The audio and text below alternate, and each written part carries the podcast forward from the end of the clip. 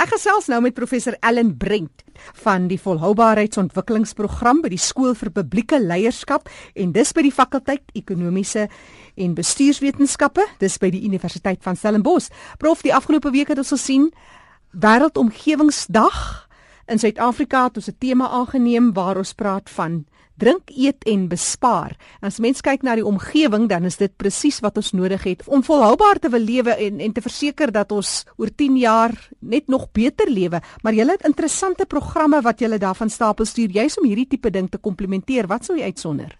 Dankie ja, dankie vir die geleentheid.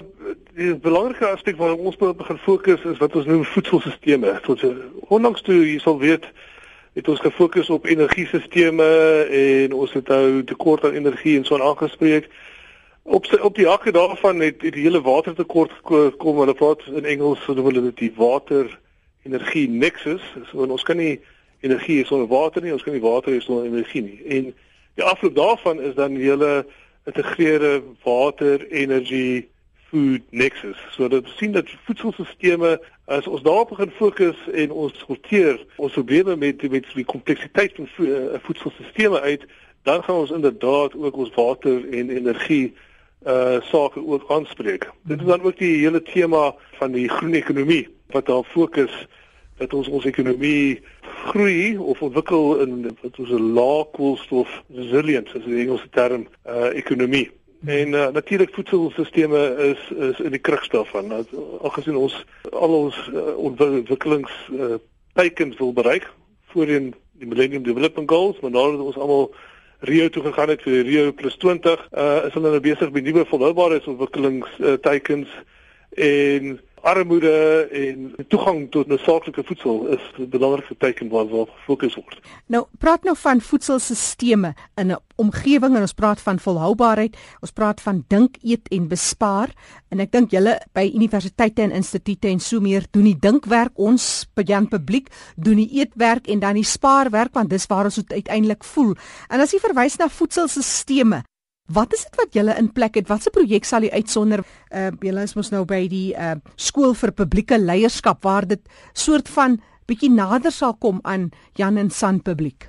Ja, ek het 'n belangrike aspek daarvan Jackie in uh, ons praktiseer dit tans by die uh, by ons klein kampus by, by die Lyndog Eco Village wat daar buite kan stel in Mos is waar ons vir volhoubare ontwikkelingsprogramme loop is dat ons kyk na lokale voedselstelsels. Mm. 'n baie groot aspek is uh, is in die wêreld uh, te diens tot nou toe was dat ons kyk na lang logistiese stelsels om kos te kry wat ons noem farm to fork. En eintlik moet ons begin en baie van ons uh, nagraadse studente het daarop ge, gefokus is as ons eintlik begin kyk na lokale voedselstelsels waar ons meer en meer beweeg na kleinskaalse boerderye in die omgewing wat mense in uh, stedelike omgewings voorsien dit is baie meer volhoubaar in die lang termyn. Dit gee ook baie baie meer inkomste vir vir die kleinskaalse boere want daar's minder van 'n soos nou Engels noem 'n middleman. Ja, wat doen julle? So ons het uh, in in natuurlik is ons nou bevoorreg om om nou hierdie tipe van uh,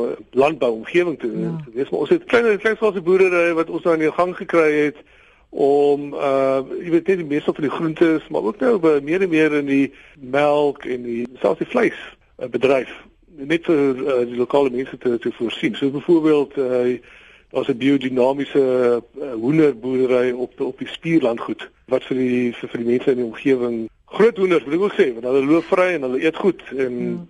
jy weet en dit is heel bekostigbaar. Nou uit die aard van die saak, soos jy sê prof, julle is bevoorreg om daai tipe landbou uh, infrastruktuur te hê om die grond te hê en so meer. Maar hoe sal 'n mens dit nou deurtrek daar waar dit regtig ja. saak maak in ons huise? Ons sommer net algemene riglyne, 'n paar wenke wat sou jy voorstel? Ja, eh, jy weet Jackie verwys net dat mense bietjie meer net 'n bietjie verder dink as jy in jou in jou winkel instap. Jy weet ek is deesdae net 'n bietjie meer aandagtig oor kyk net waar die vleis vandaan kom. Mm jy weet is dit nou eh, vleis uit of is dit nou melk? Jy weet uit uit Oos-Kaap uit of is is dit melk uit eh, die Wes-Kaap uit of jy weet as jy in Gauteng sit is dit eh, melk uit die Vrystaat uit of is jy nou besig om weer melk hier van die Oos-Kaap af in te bring? Daai tipe inligting is eintlik nogal redelik beskikbaar hmm. as mense actually begin eintlik daarvoor begin uitkyk. En ons doen dit nie. Ons stap net in en ons vat die eerste en beste ding wat van die rak af kom En uh ek ek dink mense moet meer tentatief raak om daai inligting te bekom en indien dit beskikbaar is, nie daarvoor aan te vra. Meer en meer ek wil nou nie van die van die winkels nou uitlig nie, maar hulle beweeg daartoe om uh, jy weet daai twee inligting te verskaf aan die gebruiker. Ja, daar's 'n paar interessante goed wat nou deurkom in in die landboubedryf waar ons byvoorbeeld dis 'n gesprek wat met my gevoer word in die kapasiteit vir die sentrum vir uh, volhoubare en hernubare energie studies, maar om byvoorbeeld kweekhuise daar te stel wat eintlik loop op sonne-energie. Die glas van die kweekhuis, die, die koepel van die kweekhuis is eintlik dek met wat ons noem 'n sinvol PV tipe stelsel wat elektrisiteit genereer deur die dag wat dan byvoorbeeld water kan waterpompe kan dryf en water toevoer tot tot die kweekhuis. Hierdie tipe tegnologie uh, sal tot 'n redelike mate ontwikkel en ons soek, ons is nou besig om te kyk na plekke waar ons dit kan loods. En een ander aspek wat mense natuurlik met so 'n tipe energiesisteem kan doen is te, om uh, brakwater uh, te demineraliseer en sodoende varswater aan kweekhuise te te voorsien. Dit maar dit is natuurlik 'n groot moontlikheid in baie groot in gedeeltes van die land waar landbou nog nie baie betreffend ehm um, bestaan nie. So dit is 'n voorbeeld te gee waar waterenergiesisteme geïntegreer is met landbou. Het julle dit al iewers in plek? Is dit al aan in werking? Uh jy by die universiteit is daar mense wat 'n uh, bietjie daarop gewerk het, maar nog nie op 'n uh, groter skaal nie. Die kostes is 'n uh, is 'n is 'n probleem en ons vermoed soos die klimaatsverskywing nou gaan gebeur en byvoorbeeld hier in die Weskaap waar ons nou meer droog gaan begin raak, sal ons hierdie tipe tegnologie moet uh uitbrei, maar ja, tans is dit nog baie in die loodsfase. Mm. En en hierdie tipe sisteme navorsing hierdie tipe inisiatiewe kan eintlik landwyd uitgerol word of is daar sekere plekke wat hulle meer leen vir hierdie tipe uitvindsels?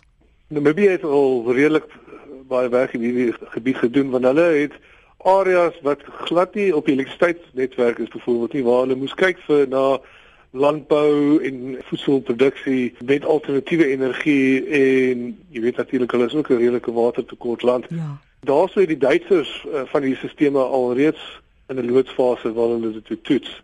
Selfs 'n bietjie verder as loods, jy weet wat ons noem demonstration eh, op hierdie stadium. As 'n mens kyk na wêreldomgewingsdag, ons is maar 'n redelike onverantwoordelike geslag. Ek dink almal van ons het 'n rol om by te dra ten opsigte van omgewingsbewaring en jy het 'n mooi voorbeeld gebruik ten opsigte van kyk net waarvan af kom die melk byvoorbeeld, want as jy nou die melk koop wat uit die Swartland en uit Darling uitkom en ons koop hom hier in Gauteng en dan hoeveel kilometers moet hy gery het, is dit daai tipe houding. Maar wat sou jy sê persoonlik is is vir u daai uh, goeters wat julle nou na aanleiding van hierdie navorsing en so meer wat julle doen interessanthede ten opsigte van hoe dat 'n mens omgewingsbewaring by die mense bring en hoe dat die twee eintlik wonderlik kan trou.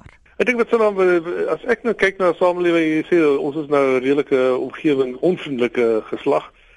Maar ek sien daar's 'n tendens waar mense weer terugneig na die aarde. Dit is so 'n filosofiese vraag. Mm. En dit is ook 'n ander uh, gebied waar ons uh, uh, navorsingswerk doen en dit is wat ons noem in Engels weer ongelukkig uh, urban agriculture. Ja. Waar die mense weer teruggaan na na sy eie voedselproduksie in sy agt, eie agterplaas. En ons het al interessante uh, voorstelle gesien in demonstrasieprojekte in ander lande wat ook kyk na dak uh, landbou waar mense actually 'n huis bou met 'n plat dak met die gedagte om landbouproduksie op op te skaal natuurlik op hulle eie dak te hê. Uh dis natuurlik in 'n sport weer van van water, energie, voedselstelsels. Dit het sekondêre voordele want nou is dit koel die dak af en dit koel dan weer die huis af. Hmm. Uh wat beteken ons het minder energie nodig en so maar so. Dit hierdie tipe van uh goeie sien ons neigheid ek, en ek sien mense begin nou weer dink dink daaraan binne die kombuis is ons besig om ons voedsel eerder in 'n bokashi bin te gooi. Uh weet om kompos en en so te maak in ons kombuis wat ons dan weer kan gebruik in ons tuin. Hmm. Uh jy weet dis net daai tipe gedagtes en Jackie ons ons kinders is bewus daarvan. Hulle is uh dis interessant waarom hierdie kinders nou van die skool af by die huis aankom. Jy weet uh, almal is besig om 'n 'n wurmplaasie met hulle eendag tot 'n projek ontwikkel. Uh my kinders is bevraagteken die hele tyd wat, wat is ons so besig met om ons afvalmateriaal te doen. Ja. So ek is meer positief oor wat ons binne die volgende 10 tot 20 jaar gaan uh, gaan beleef en bereik. Dis professor Ellen Brent wat so lekker gesels oor volhoubaarheid in Suid-Afrika. Daar's dalk 'n webtuiste waar mense kan gaan loer en bietjie kyk wat julle besig is mee. Ja, mense kan graag uh dit welkom te graag na www.sustainabilityinstitute.net.